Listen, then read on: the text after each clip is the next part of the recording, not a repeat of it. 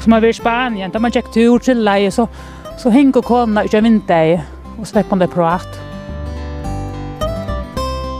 Vi tåpa toppar Shadows Jellet, er en baby jammer. Ja. hva sier du? Nå er du så tjukk og jakka. Ja. Å, ja, det er så. Da vi så samlas av skæren om armen for restrom, så synes jeg at alt det første verset og klett og kloven fyrir meg, og legger så alt i herrens endur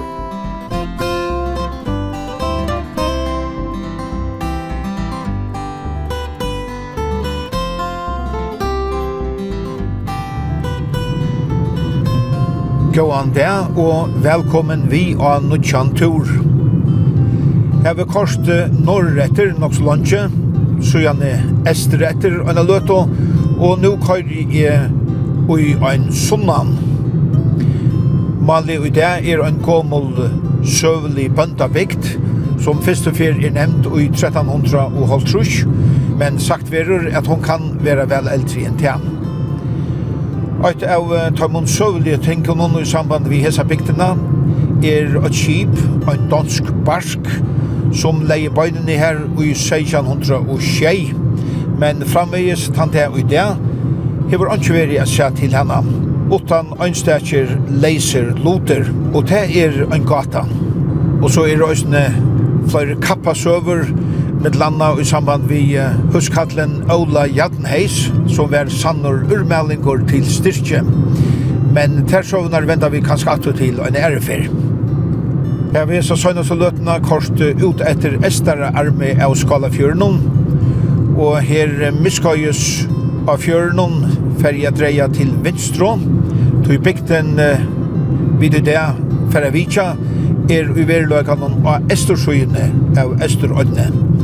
Hva en pastor av husen og øsne ser Skalafjøren. Og i det færre vi at vi kja i Lampa.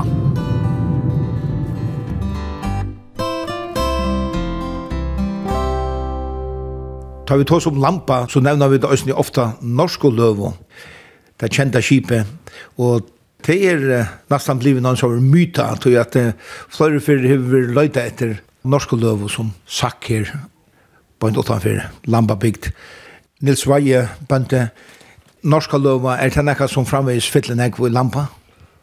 Nei, no, ikke så stakkelig, ja, men det er en spennende søva.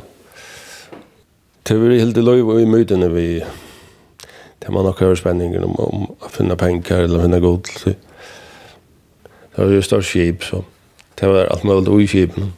Det har skuldt til Østerindia, så det har vært veldig utkjørt i Østerindia vi alle mulige. Tar det seg en Bjark at du virusmester på en av veien. Her er det sånne gamle saker om en, en kjetil. Vi guldpengen skulle være dette skjegg. Det tog jeg skjer jo det kjetil som ligger ut videre. Så det er virus har myt alle veien. Her sitter vi vi någon noen någon fra 2021, nummer 22. Her vil han en lust her til røntene som har vært kjørt her at finne nekka til norsk løv og Ta första röntgen var i 1906, ja.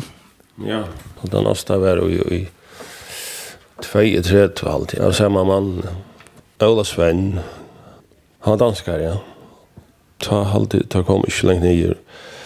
Men så grev han efter 1935 og ta ta kom da langt ner, men tar funnet oss da, det går Så långt inte grejer att det för en tror jag först. Och tror jag först var det pappen som var en av hetmannen. Clement eller Kem Ja, ta var det mer alvorligt vi stod i maskinen.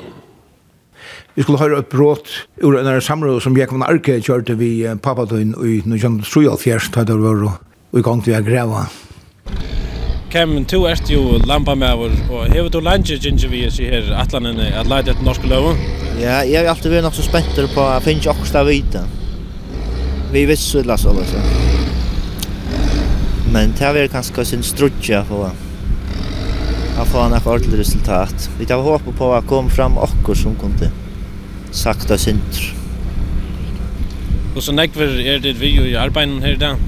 Hon har vært en 15-20 mans allt sen. Det er alt själv på. Jag tar det og salt av i skipan disse. Nils, pappa tog in och tar funnit där näka? Nej, det har funnit inte. Det har nok så lengt ner, flere meter ner om, om 20 månader kom det då stor reka tror jag som låg tatt samman men det tog också upp men anna anna funder inte det är inte inte jag funder så Jans onkla fick några kopparplattor i gödnen först till truschen och allt så blev det trutcher era plattor fundar jag kan att han hade det grev sist för Det var helt att jag kom härifrån, ja. Från en gammal kipet och så Og så det sista man räknar vi i stedet kanskje fra norsk lov till ta duckaren från så er det här granitstenarna i statta eller plats man sponsorera i la. Ta vandar två granitstenar så ljusa som helst det var fra Barlasta grod til och liknande. Och det var helt at det var av norsk lov. Ja, gosse så er det bare främmande grod, ikke försk grod. Så det kan tukt på det. Ja. Och det som kom upp søttene, det här var nytter og så det så det som bättre det var från kjip. Det var här omtale lojen her som man förra land. Så det är nok så sannsynlig att det av norsk lov. Och så är det några äldre låter och snä och lampa från norsk lov. Ja, ja, och spår upp som marken och så är det och andra bor och stolar och och kyrkjeklokka. Det är några ting som är är er Var, var. Søknen sier at, at Åmalov var, men altså, norsk lov er ikke bare søknen, tror jeg, det var jo en sjåfragrøying og alt det, altså, hendingen får jo fram i 1620. Ja, det var en Østre India-affære, norsk lov, som får ur København alltid, om høstet til 1620. Vi kom så ille over, av en reaksjon når hentet inn, hentet så inn i Lampavik. Ja ta räck med lunchen är en två dagar arend här. Arend ända i Witchen och så blev elva och så så får det några knus. så det är det nog synd att skriva men alla är det blivit myta som som man inte vet ordentligt kvar. Kvar under blev när Alltså Sean det är så loten är det som man räknar vi är norsk lov men man har kan att känna att Petty och Sheepen. Nei, nei, ikke, ikke utan det som så koppar blatnar som man bara räknar vi i det av norsk lov. Alt det var nog just aftan, 17 tjej. Det var sånne folk vi, det var en hundra mans vi. Så her var nek folk, da var jeg så berøyt bøndehus. Hvordan har det finnes i herberg atlan? Ja, det er ikke godt å vite. Det er man sov jo i hver nødhuset, det er skift om man sov det er nok som skriver eller självfrågor og alt det, så så tar det nok spjatter ut om ut om för jag eller just at jeg en basfalt ju som att det av den, tar det nog slappra land och så bara med så tar man väl i fargen, men jeg tog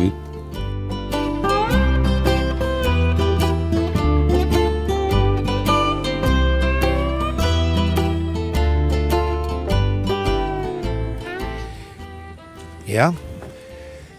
Jeg så ikke at det er sin dreppen, og jeg her vera en hus røst og lampa just i det. Første parten av en vetsjer kom opp her.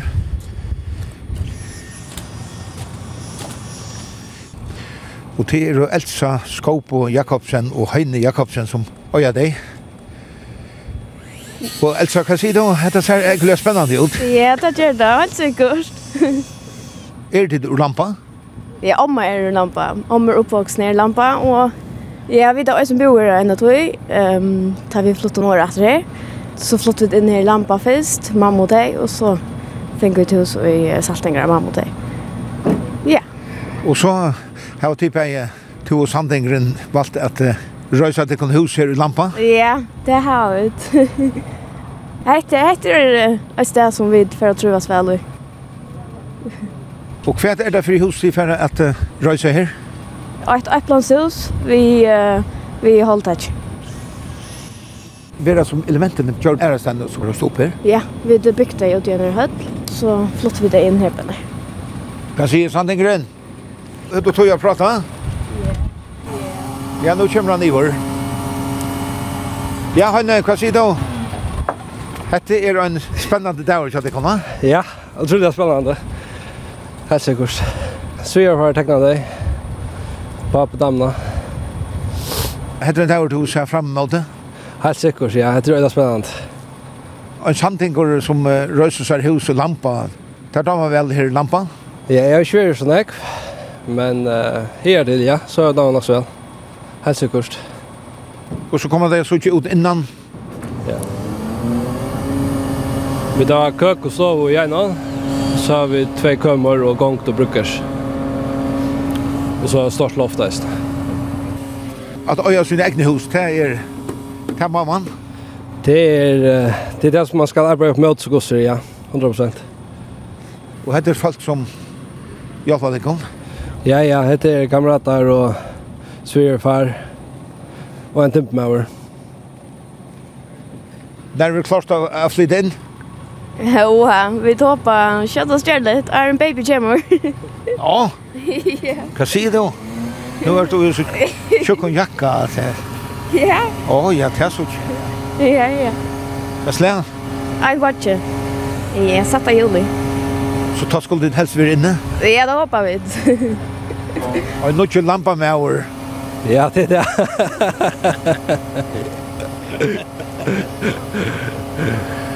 Ja, men tog ikke gå og tog han jeg pratet med, men tar på etter her i vi alltid, men gå og etter når vi vi atlan vi hos noen. Større takk for det. så tar du flakka i det? Det er så det. vi tar på det. Flakka er klart. Ja.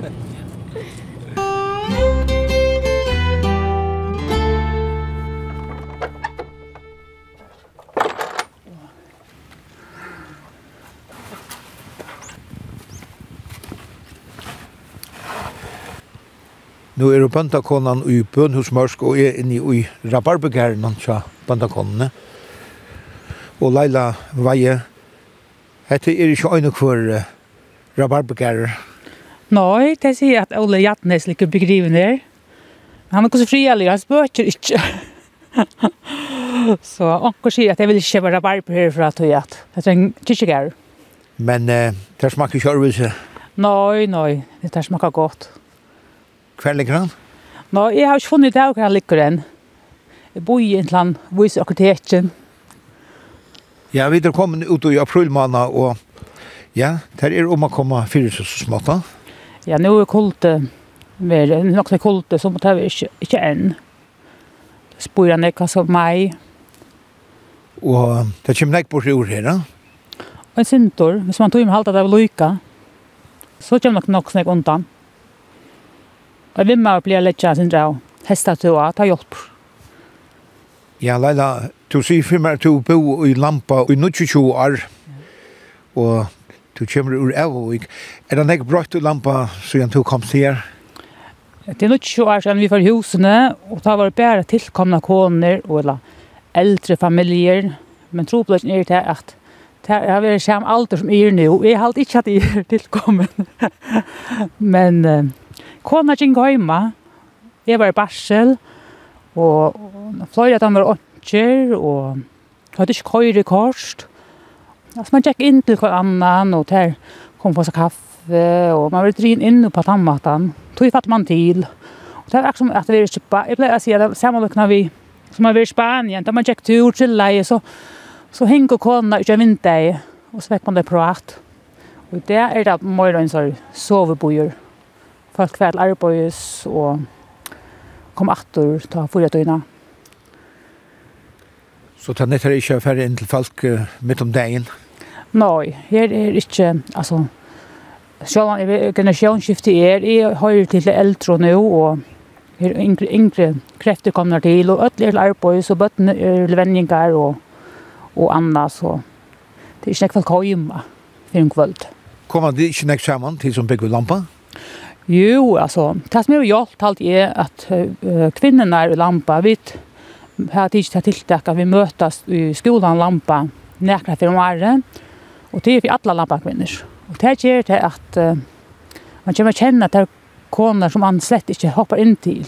og det är något som har kanskje lagt til till att fälla til. Så det, det är ikke ordentlig väl. Och, og männen har hukt efter uh, fotboll i skolan. Så vi brukar skolan till att mötas, jólafest och och slå tonno. Och det har alltid varit riktigt ordentligt. Skolan har viskar som är viktiga ju så och och ta hjälp på ösnen att uh, skolan brukar han ösnen till uh, bötten och flockar och ena för två från vikna. Ta och ju leta där barbarna så ta dig resterna. Så får sig göra det syltetøy och anna till föräldrarna. Det är gott att söka lov i Ja, og nu er det således at den gamle bygden, hon er her nere, og så er nok så lengt i midtelen til husene her nere i gamle bygden, og så tar nutja parten oppi, jeg vet ikke hva du kallar det, oppi halsen her. Nei, vi kallar det her Downtown LA, det er bedre som bygg vi her nere, et vattle, et vatle. Og, nei, nei, her kallar vi oppi bygden. Mm -hmm.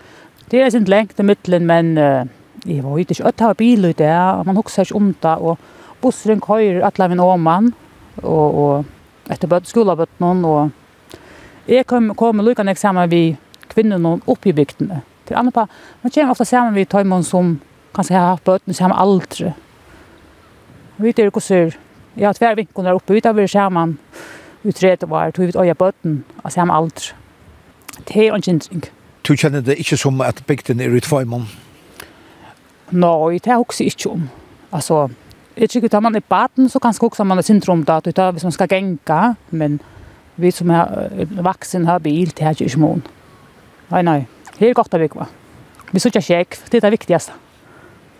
Var kommer tulje här? Nej, vi det är inte som i Spanien. Spanien Her är solen kommer 24, nu kommer av februari och är, då så vi solen. Hon är borster från 1. november Og så er det lite sindran i mjørskahålet, ta i mjørske er, men uh, det er i livet man løsne. Det er kjøttet flikva, så tek man en tur sur etter sted. Det er som bygger i byen og i havn, det er også i mjørska, og vi tar mjørske sen. Det ligger som så i jo. Så det er som man bygger i havn, jeg bygger lampa. Leila, du har vært fulltidsstarv av rasene i Saltangara, Og her og fram så er det jo bøndakona. Men det er hefter ikke fyrir, altså, å være bøndakona østene. Nå, no, jeg vil så gjøre arbeidsplass som, som tar hensyn et eller gjør det løyve til å være borte fra. Tar det gjerne til fjallet og jeg har østene fjall, men som har vært ikke mer i tre to år, altså, høyre er ikke så Det krever ikke at jeg skal standa og pleie dår. Det klarer seg selv, jeg i bostår. men jeg skiller vel til unge damene i det at at det er ikke spennende å være bøndakona. Altså, ta jeg flott inn til Lamberg, for nå ikke så igjen, ta kom og folk inn og gått, at alle kunder kom inn og betale. Altså, jeg skulle underholde det i øsene, vi har gjør kaffe, ordla hona litt. Og det er brøytingen at ånden kommer inn, alt vi ordna gjør nettbanka.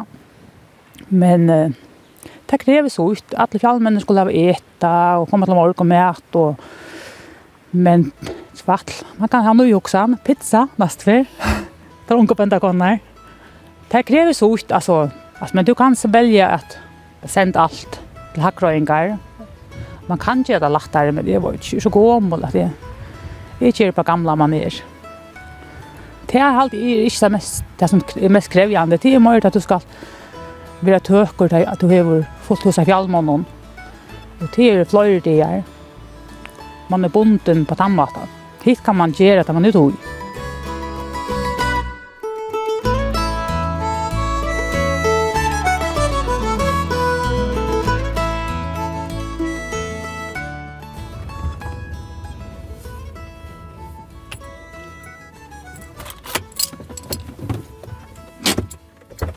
Her bor um, Jone Johannesen, lampamæver som hefur bo i havn i mange herrens år har vært mange år omkjønner med år ute av for i lærerskolen, for alt sånn. Ja, kom der, kom der, kom der. Velkommen. Takk for det. Ja. Takk for det.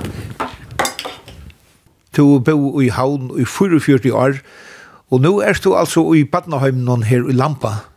Gå så bare til at uh, du løyder etter å blåe. Mitt i forsen, så bygde vi dere en hus her inne. Det var en søgn av her. Og så det var ganske det var lov i tankene at skulle flytte inn til arbeidstøyen var nye. Men da jeg skulle flytte, så var det en ung familie som spurte om det, om jeg var selge husen, et som hes i husen stod tau. Og ikke at han år nekker forhandlinger efter og fram, så ble vi ut bei i konan samt om at vi skulle bare kjeipa badnøyme. Og så selte vi henne i husen. Jeg dessverre konan, hon, hon fær så hon til fyra måneder siden, Hon ble så sjuk av krabba var så det var, Det blev sånn strutje. Det var ikke akkurat etter, etter Atlanten, men det er man så ikke iver. Men vi trivs vel, begge tvei, på en av vei, også Ösny hon, så att hon uppvaxen i Vaje. Vi sa at det bara vi ikke själv vid til at, nu får jag in här och så skulle vi bare trivas her, her, dette var akkurat sted. Det er ikke av myndiga vad. Jeg husker om Paulus att han säger i sin till Guds øtte sammen med nøgtsimmel, Det er mykje vindingur. Tvei av sisten kommer og øyne her i bygdene. Brauer, han bor ikke på søgene av, og den yngste siste min, hun bor i de første husene som han kommer til i bygdene. Så, det, så man har en familie som er nære på, altså. Og man føler en gal i Så Så det er øysten godt. Og bøtene kom ofte inn her, til jeg for å fra Vidjamme. Så er det nok sånn jeg virkeskjønne i havn. Og om stått at høy, så kommer tunnelen, og det er fra stittan jeg om, og det er også litt lattar i det, tjekker i kjeli, så, så man var sikkert ganske oftere i havn, og det er ganske oftere her, så jeg kan være takksom for at jeg bygger sånn land som Tjokkon. Og jeg har jo også en, en tror jeg sier her, og det kom for jeg også en tøyne ganger vi, at røkja til Og så har vi kjøpt husene i gåm, så man hever sin til å trekke hånd i alle tøyene. Så det man är upptäckt av noen ting og så det. Och man tror at att gjør det inte selv, så det er så godt, for att hinna gänga av det. Men nå er du för år gammel, og jeg kan umynda meg at um, lampa er ikke den samme bygden i det som tar to vaks opp. Nei, det kan man säga och snälla att säga att det er en så ikke. Så jeg nekker som som som var ta det er ikke langt, da man vaks opp, og det er skole her, og, og spalte vi nekker viner og husavtalet til for fordobla nastan. Men folk har er ikkje så nek vaks. Jeg har halte bo i 120 folk, det er jo bat nå, og vet du. Og i det så er det kanskje alt andre. Men det er halvt rusje hus, og det var, jeg halte av 22 hus da. Vi hadde i ham i skolan, og som ofte er så var det spårnakapping. Så var det en spårninger, Gosse nek folk var flott til bygden. Går ikke parsten hei var oppvaksen i bygden, det kom utanfra. Og da tjei jøs, fyrstan eller tjo. Og da visste seg til at det skulle være tjo og så. Jeg var sikkert at det er solkjort, ja, men jeg råkna etter, og det er så, ja. Folk tror trivas av er her, og nå er tvei jøs og gjer, og jeg har sagt skulle komme og fløyre trekt. Så det grør hun gengande hver, og så det gamle på det sida. Fyrir vi er bygd skal løyte, det er tog at det er ikke en åkna gjør, det er bare en kongs gjør alt. Så det var mye 1808, så var bare tvei hus i Lampa, det var forsvitterne tjokken og bøndhus. Så tar jeg opp av bygget her, jeg kan ikke være ut fra at tar jeg ved hjelp til bøndene. Så han er givet om Nigeria som kunne ha kikk og, og så det hjelp til av gæren. Det vi sier og, og det var ut ganske også. Bøndene måtte også ha folk av hjelp på seg. Det kan seg og røkje heia og bø og, og flotta bas. Det blir en plass og det er bratte drattor, så det skal hindra folk til. Bygden er lukka som i tvøymon, altså. Vil det råkna som tvøy bøylingar? Ja, vi satt jo fyrir, at innanfyr og heimanfyr. Man kallar det heimøtter, du det er eldre. Heimle husar, som man sier. Den gamla bygden, alt vi er vera heim. Og jeg har hørt også fløthusene stå også her heime fyrst andre flott inn her. Da jeg gikk vaks opp, så var nek bøtner, og vi til spalt og nek ute. Kanskje også til at husene var ikke så stør, og bakna klokker var større, så det var ganske trångt inne, så vi spalt og nek ute. Og ofte samlet der nye fløten noen. Så jeg kvalt til å spalt hans lunch, så hadde vi begynt en kjeit. Så, så sier vi omkring, en kjistna var det, at um, jeg hadde for innan snakka vi Abba. For Abba forteller omkring søvå akkurat som han er oppliva. Han var nok ikke nek for jeg får sige, han pralja fra han nok. Så får han inn og juga han sin. Jo, så får han fortelle en hending som han, da var han halvt unger, han og Tore Ære var for en flåt, bare for å få seg kauka.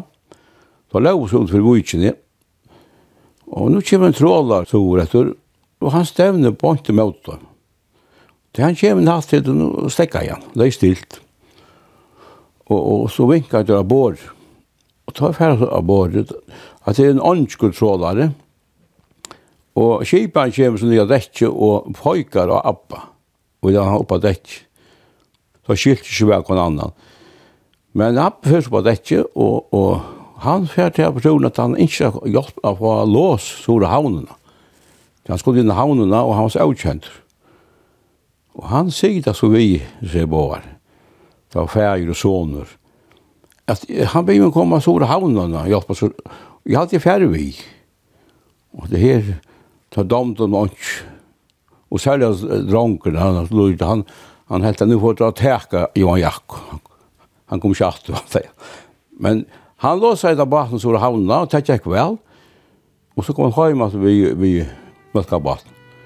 Og han fikk fem kroner for naturen. Så det er jo nekker penger. Det er sikkert veri i Ar nøyjan hundra, det er vi. Abbe var født i Asjan 1,5 ja. Jeg var ikke vi veri 20 år, kanskje her Så det var nekker penger.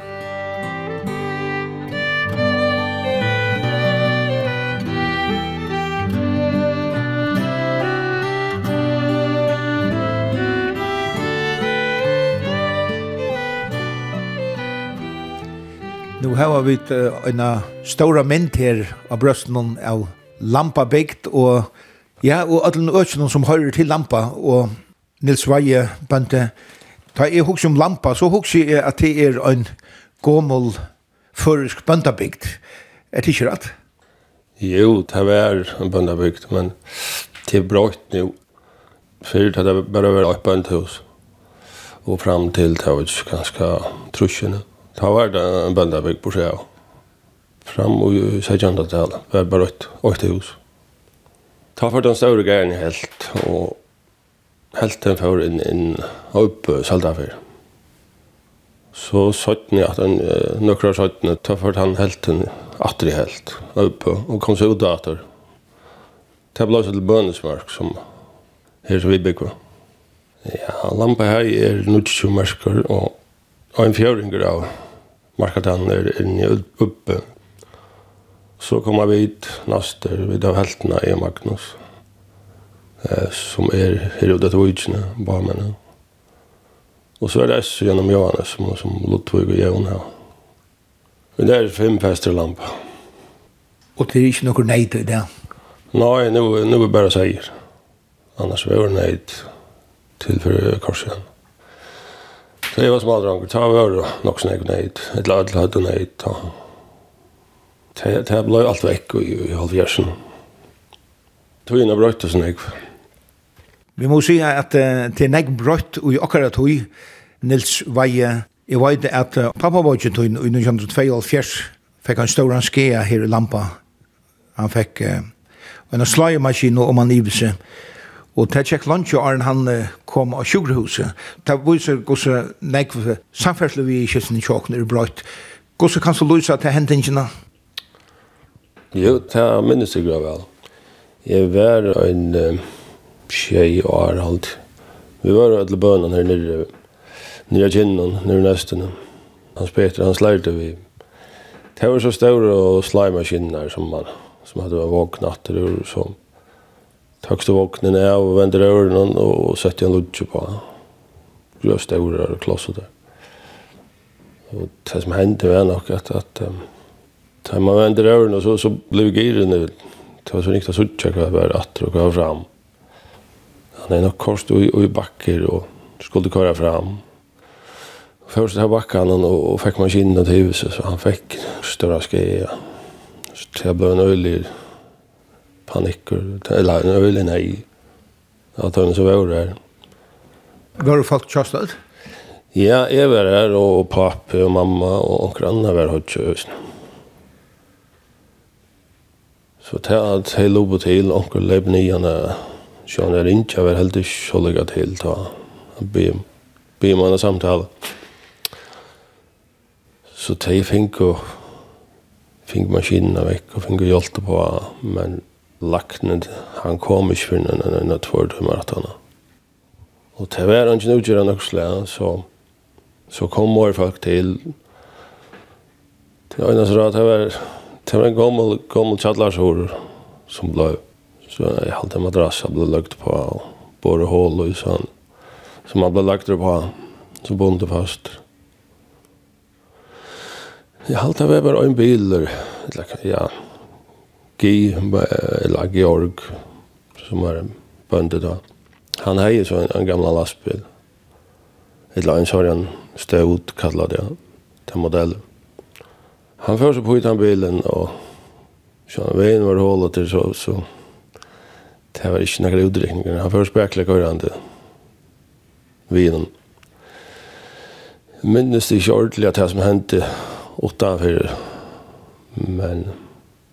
Han førte nok til havna vi, vi en udrabatt jeg hadde haft, en safir, som sylt inn en aglurer. Halvtid bestemt, men han kom så ikke til sjukhuset før en ut av kvalt. Så hadde jeg skjedd uh, tullet før jeg barst. Så det var en lang, langer tur. Ja, og så kunne du også si at Hans Peter kom uh, høyast alt vel fra hans her hendingene. Ja Men eh, det var så vel gos nekve samførsel vi i skiftene er brått til så Arne, så gjerne kjent ut 22. Ja, ja, det er brått vel enn jeg, så gjerne ta, det er det. Så nå er vi oppe at det. Jeg slår brøydinger nå, tunneler kommer til havner. Ja, tar vi det ikke lengt ur lampa og sår i høvestein? Nei. Eller øvått? Ja, ja, ja tar vi det nekker fra i minutter til havner. Så det er brøyde stadigvæk. Det er Sjugal för jag kör det alltid. Vant du at du för å være oftare i, i huvudstaden? Nej, det er nok ikke vi, men man man över så mormolagar som man ska tejpa ett lag för att det ska vara ett man ska ha också ur handen så så är det kött av fett det.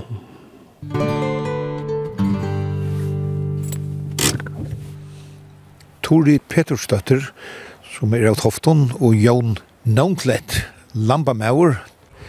De har akkurat kjøpt oss i husene. Jeg hadde det å bo i Saltangara.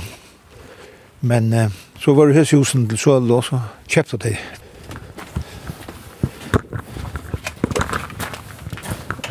Ja, det er. Det er så råkket litt, men det Det er det. Så finnes det ordentlig bandasjegg. Ja, ja, ja, ja, ja, ja. Hei. Hei. Velkommen. Takk for det. Jan, du er kommet atter i hjembygdene. Ja, jeg er kommet atter i Heimbygdene. Det er godt, øyelig godt. Alt som man bøyde med seg, særlig her som vi bygger, og køkken som vi sitter nå, til er til dømes utsøyden til åkken. Det er bare ut etter Skalafjørnen og ut til Jøgne Lambavik, ja. Alt etter hva man overhod til.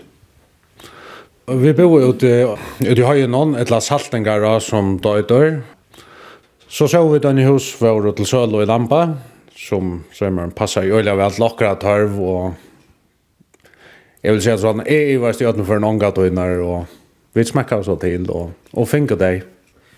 Det er stør, og, men det er særlig stedsettingen som vi fotlo fyr. Så det er en stor pastor av trivnaden, men sånn ikke bare det.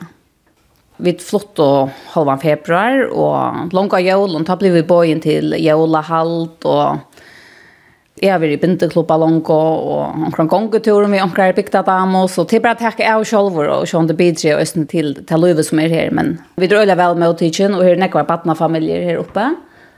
Og det betyr sånn det er nekvar mer at, at bøttene fettler vel til. Og det er alltid at jeg gjør. Eldste sonen er Archan, så han har vært sutt egna liv nesten nå. Vi skola og nekvun fotbollte. Og Milengren, hon var ganska tann som uh, helt av var torsførast, men uh, hon er fatten øyla vel til. Og hever nekva gjerra her på en, mitt anna. Blir den pura biten av alt som hever vi rossa gjerra.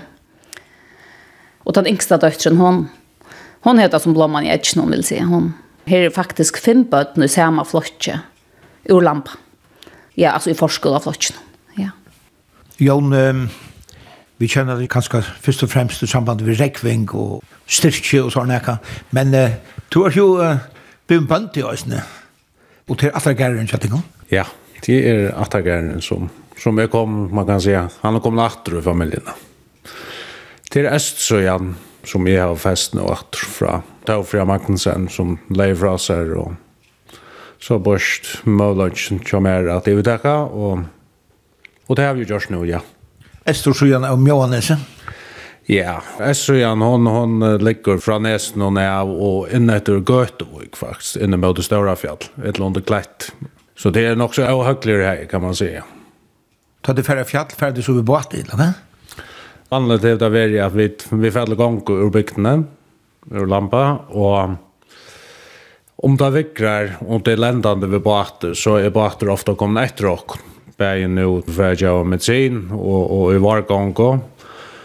Er det ikke lendande så sjålande, så gengar vi båa ikke. Men uh, skoren hammas og alle førast inn vi bakt om hestanar. Så det er det som er marska nok snakk om hestan. Det er vi hever lojkjent. Kommer de ta lampa og ikke etla til gøtta? Vanligt er vi uh, lengt etter tøyina og, og framvis og Det er at man får inn til gøtta Det är den stittre tajneren och så gärna är det kjøtsa vi vid bil ett lampa. Men henne kaffer vi farnar oss nu og, jag är så en lampa. Så att vi en fest vi en ohygglig här. Ta ska horen vara den också stor. Ja? Ja, jag har alltid generellt säga halt och och i er är bara driva ho. Då vändning går extera ju inte och men i munnen för hur den kan se att det är för att han tärd och hållsikt. Vi människor är nog bare så anfalt at han sykloseren som är vid gjøre haltig, han är så dåligare för i haltas til. Nu är det, nå ganger vi då glede och til Lamping. Och så är han där för glädja vi då till Asaja Röjtingsnö och så Achter Skoren och så är det bruntøy, Och så är skonger kvarst och är, är, är. Och det är alltid spännande i luften, allt är i jøkken. Og i halde generelt så heva vi allir grannarnir, allir bøndskner, heva et godt samstarv, og i alt det hever utrolig større antutning, og halde sjolver at alle allir gjeras vinnare vi at hjelpas det, at det halde jeg helt sikkert. Onker er i ferne og heia, jeg har så rydde, så er man på plass og just klarst vi færre at jeg gjør høylevar i morgen. Så jag menar, tar vi till lite ner bara så, så får vi göra att räcka nästa här. Ta för att fjalla och tjattla här. Som hör till um, klövrar. Och så lägger vi från landet och färra S7 i morgon. Nu skulle Atnar uh, ha hela vant. Här skulle Berge ha spröjtas för lampadeja. Och så skulle det ha för arm och äcklar och annat. Det vill säga att jag säger när vi utsätter för att få skräpna nu allt ju vanna lite och terra och bor och och gråre för att komma så det var att jag spröjta jag för och och sast los och nu som som om man kör inte för att spröjta. För los och Jeg arbeider av kampstallet, av min navn er kampstallet. Jeg er utbyggven fysioterapeuter og har lise utrått og føre, så jeg er undervist her, og jeg tar man bare nesten. Tutsjent år i halvt i et rundene. Og tatt av meg selv vel. Och det är högligt att komma igjen och till Kampstall. Och ta i mävren hur fest efter sjöna av mjönes så det kräver det sindra konen just nu. Ja, det gör det faktiskt. Sjön det dagliga. Mest ikke nek til det. Det kommer nok også, nu att det en ligger här som man är och är som man är så det är ingen det är så nek røkt akkurat av tog og ingen føring eller näka men sjön det kräver att onker er er hemma och textar av tog som er her, men jeg gör alt det som skal gjøre, så er snart daglig. men sånn ta ta fjøtlene vägen inte og, og slakt i er fire, så så er det nej at det er sen trätt til. Karen Nonklet du er 20 år gammel. Hva for to togene kan kan vi uh, i lampa? Jeg er nye fjølsen og jeg er rossen. Jeg strikler dem Men så roi jeg en øren röst til en mors röst till bara två öar så det er så rädd ut jag rojer en. Det først. Hva sier ser det Hun er mega fikt. Og hun er heter Sif. Hon är ordentlig ut. Sånne det er, tar jeg vid i fjötlen hon, ordentlig nek, nesten alt det som øyer oss i fjøsen noen. Og pappa er vi, jeg og pappa, og så er det ofte en som heter Siri, og en som heter Anna, og en som heter Atle, og så er og Sølje og Ludvig. Vi var oppe i fjellene. Det var mega lekser og jeg gräser og i henen. Og det viktiga er at jeg Men er det ikke strevet at det var rossa å passe? Um, jo, det er nok så strevet jeg var rossa. Man skal sopa inn i kjøttet i kvente. Hvordan er du horene sopa? En hade ju den också stolt att säga, men det gick ju om ett år långt, så det gick ju inte bara helt att det var så rävligt stolt långt. Det första rosset var jo så öliga väl ägna till att träcka vaknar vann och då blev det utflott till og och i Ångland och, och tar en lögan rett alla vi så att jeg får vänja tja, tja sif och är så. Annars är ju uppbyggven skipsförare Og her var silt nå til sørste årene som Ivestormøver og i Fralandavinnen i Norra. Men ta i så ivetøk fest i her i Lampa. Ta valgt så blev jag hemma med oss och arbetade det som uh, skojslärare av Sjönami i Klagsvik. Jeg halte i ösnen hvis man tar man fast fast vid djur og, og sier allting generelt, så skal man vekta det høyt, högt velferden til gör djuren her Hon hever allt att säga att du ska räcka lamporna till allt. Och tuschen ska man vara ordentlig ut om man väljer att få oss ut. Så man var ju att den öliga og höglir här och det här rullar bratt och värmeår har alla när sagt att nej tror du ska inte färra och är synd att jag mamma må inte säga alltid att här får man inte till att lukka för inte vita Gustav är men jag får själv inte klara inte vi i fjör och är alltid här var Ja, jag kunde inte meg mer att nästan affärer att det man ju si. så. Jeg vet inte, man på omkring mamma kör inte slå kaldt vatten i blå og bara håper att allt går väl. Og, og det er man nøyder til. Jeg var jo da jeg ikke tog med å ha haft en hea bort her som han rakk til. Og ta nekker han større strobløyga. Jeg var jo da hatt han tog med. Men du er ikke bensjen til han for å fjall? Jo, jeg er er jo glad at jeg tar det ikke og sier at alt kommer etter å gå sjålant. Man har jo sjålant i ampa og asser til at det er ringt vever eller holdt. Vi drøyner at leggja det så hvis det rettes at vekker er så gott som tilber, men göra velferden at som jeg säger hever ösni höra avfesting och ta i det lojer ut och i januar januar måned till dømes affære efter brunt sig och annet, så vill man kanskje lägga oss under morgen fire och ta kan det være holdt och så det har var väl en showande nekveturer så jeg bakspekler någon at man borde kanske hellre ha sitt i hemma men det man nog vara så alla som människan och när det är inne att man söker ösnen spänning och och vandrar och gör på man ger till en pastor allt i allt. Ta vi färra fjall så färra vi till och från Lampa och gänga så nya av skär som då heter. Och tar vi så samlas av skären och armen för restrom så syns jag vet allt det första verset och klättor kloven fyra mer och lägger så allt i herrans händer och og færa så til gong og estrom.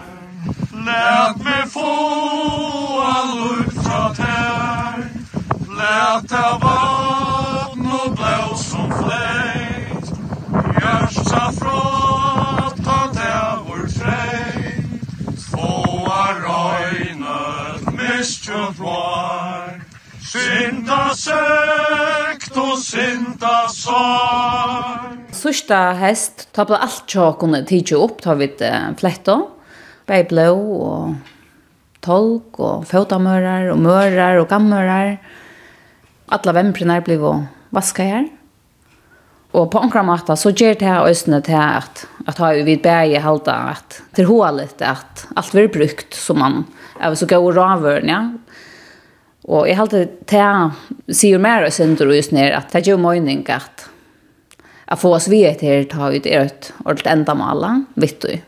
Så det er stor arbeid og det er ikke noe som lønner seg som så, men men den tanken vi at man får brukt alle så gode raverne, det er aldri ordentlig stolt. Og jeg halte rart er og så er det lagt å slippe av i alt. Musikk Ja, nu standa vi nian fyrir husen kjallar Jon Nonklett, og vi sutja nian mot Hustoft, og jeg sa at du leie en mynd ut av en noen borretarne oppi Hustoft. Det er jo ikke vanlig til lampa. Nei, gråbrott i Hustoft er leie her siden 75-76. Og det som er reikjent er at det er nemlig at det, at det er fjallt bæg for bygda folk i Ødelnøren. Det er fjallt for manna i Ødelnøren Då är man inte inte vet att helt utan så att man är väljer uppe. Jag vill säga att det var reande då man sa maskiner kommer undan västerut. Kan du säga då? Nei, jeg husker så at det var, om det var så brottlet at det var kommet her, etla, etla, om ønsken hei gå og omt etla hva det var, men du, er ikke hørt noen snakk om det der, og jeg rønt så at jeg hører med fyri og prater med folk, men jeg har alltid ikke latt slukka som omvævn, så tog for jeg holdt vitta at så sier man at jeg setter elda av målet, tog jeg at jeg sa på en av veien at Hvis man ikke kjør noe vitt, så gikk det rettelig kjøtt, så ble inntrivet så mye størst at skreien var avbøtelig. Og at uh, gråbrott ikke kjøst fra bygdene, det er med landa øyne av Tom Treiten som ivringer nevnte en sette. Da løyve ble gjøyve og i 55. Det vet jeg at Uthæmaren han skulle fjæla gråbrott. Det hever han gjørst ødeles i år, lykka fram til nu 2019. Nu sås maskiner, det er opp med luftene. Og tut gleps, eller tut neierop, det kan urslit? Ja, tog betur, så var uh, borgarstjøren, han la ikke av banen, han gjør det uh, kjøtt av og sendte og skriv til iverfringarnevntene, som vent seg så igjen til eh, lokalfrivingarnevntene her for Österötna Og Sursmævren, han uh, gjør det øyne kjøtt av, og han var der i støvene, og sendte så igjen sitt tilmelde til ivringarnevntene. Og at det steg jo i tog, det kan man så bare umynda seg tog at EU-fringarnevnte stegget i arbeiden.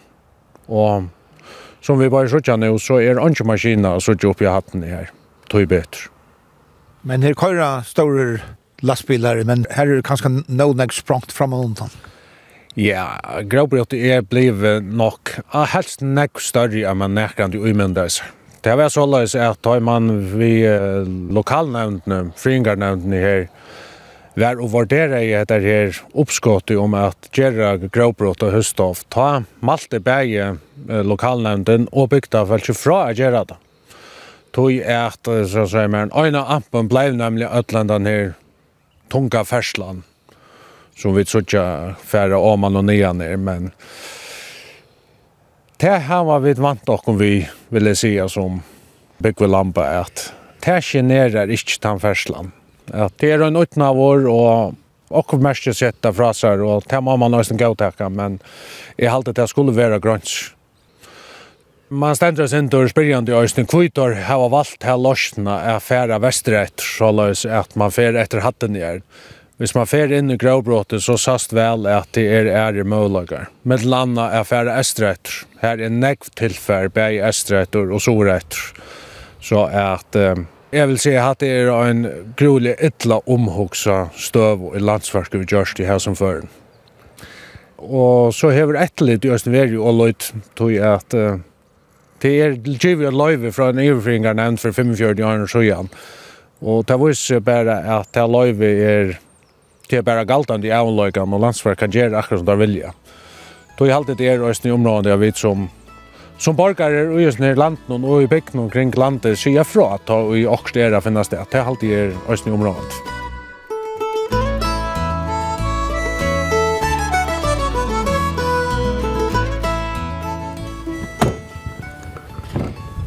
Her oppe i Høsthoft, et pette fra til Stora Grøbrotten er fjøse og i Bønus Mørk, som ble bygd her oppe, og i Nuttjolfjers og Fors. Og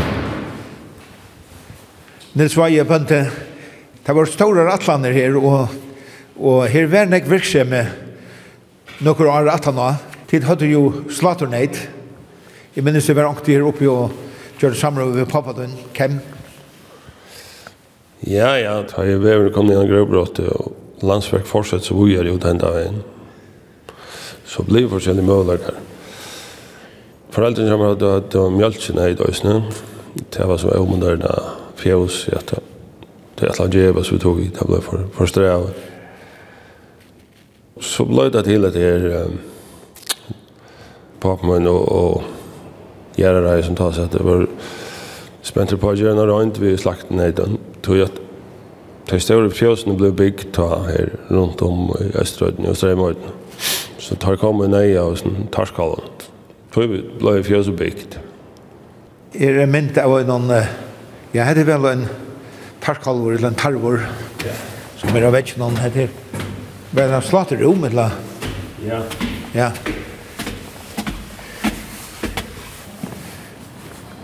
Ja, nå stender seier inni her i dag. Ja. Og hesten her, basen han her som slaterneiten er platt av vera. Hvordan slatter slaterneit hadde du dit etla tarskalvar. Det var 104 til det mest, så. Tar yngste kalvan, tar vi nere i det gamla fjøsene, og så tar vaksne var oppe, eller tar større, fra trimman oppe etter. Tar vi opp til uh, halvt anna, tvei år, tvei år til 17 tøyene. Det var ute, upp på inte åt han rankte, men det var över för det mest inne. Det är inte gå nej till här, så. Det var löst flätter där uppe i östen, tjattlar. Går så Jack har släppa av i köttet? Ja, Jack han på litt, men uh, Josef fick problemer på en av veien vi hade byggt. Uh, det ble var så en bröjting ut i halvfjärsen. Og en fruhandel satt att man kom vi, vi är just som er tog alla tall och alla föringar så kjøttet blev så øyla bøyla så kom inn til farger Så tänkte jag öliga så det var det första åren. Jag tog så i åtta fors. Vi var kommande på 104 til ta om til tojerna. Men tojerna gå och sånt ner upp till 2 år. Det så öliga länge tog. Tills långt jag hade fått pengarna innan det var så tarver av futsing og skuld. Jeg fikk jo gav hjelp, alle gav, men med landa fra fra Softhams, en Østerhøylesvalg som futsing en part av fjorden. Men så begynte kreppan ta i om halv hems.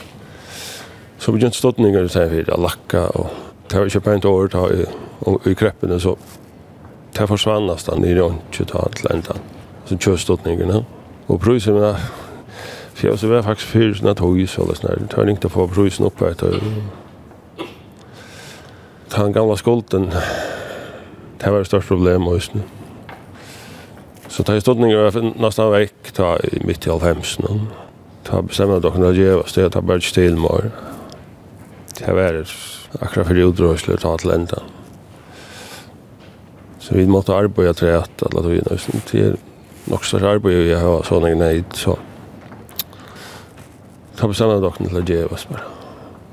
Det så ikke han nøyde for seg ut i 8,5. Sjøs var i gang i 20 år. Var det en torfer avkjøret teka? Det er det sjølvande. Det var planen at livet av det. Jeg ætla ikke å hvis jeg ikke kunne livet av det, men det ble så støvann, så man prøver så lenge som det blir til, så så har hemma prøver seg. Det var en ikke arbeid kanskje ikke nøyden som var kom for boi trudja maner, men det kolvane var så øyelt arbeid, ja. Møtstå for tja en kolv er til kjemisk for det første, trudja manerne kanskje la sånn.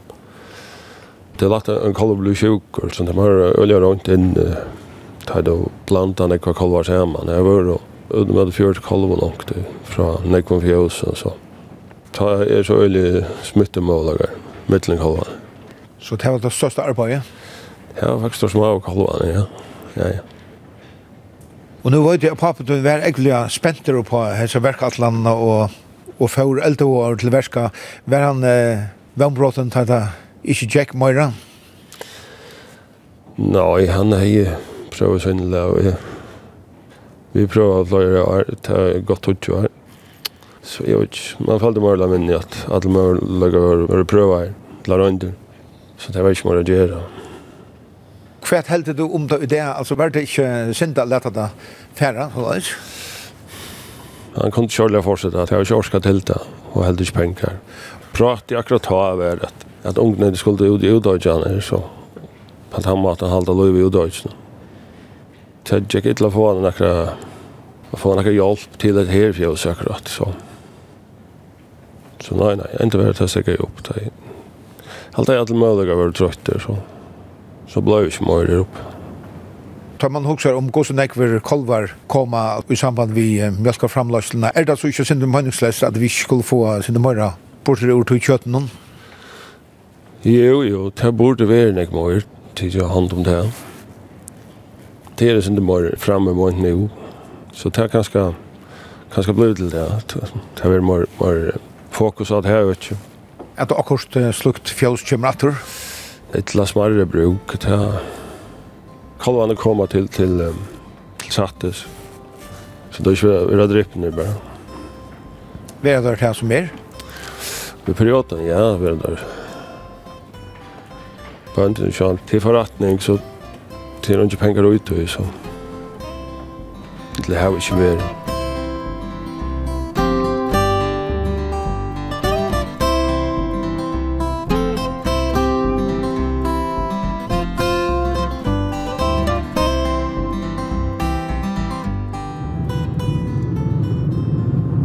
hetta vær så lampa og en gammel bygd som uh, hefur veri ekvelig løytil lengt upp i tøyina.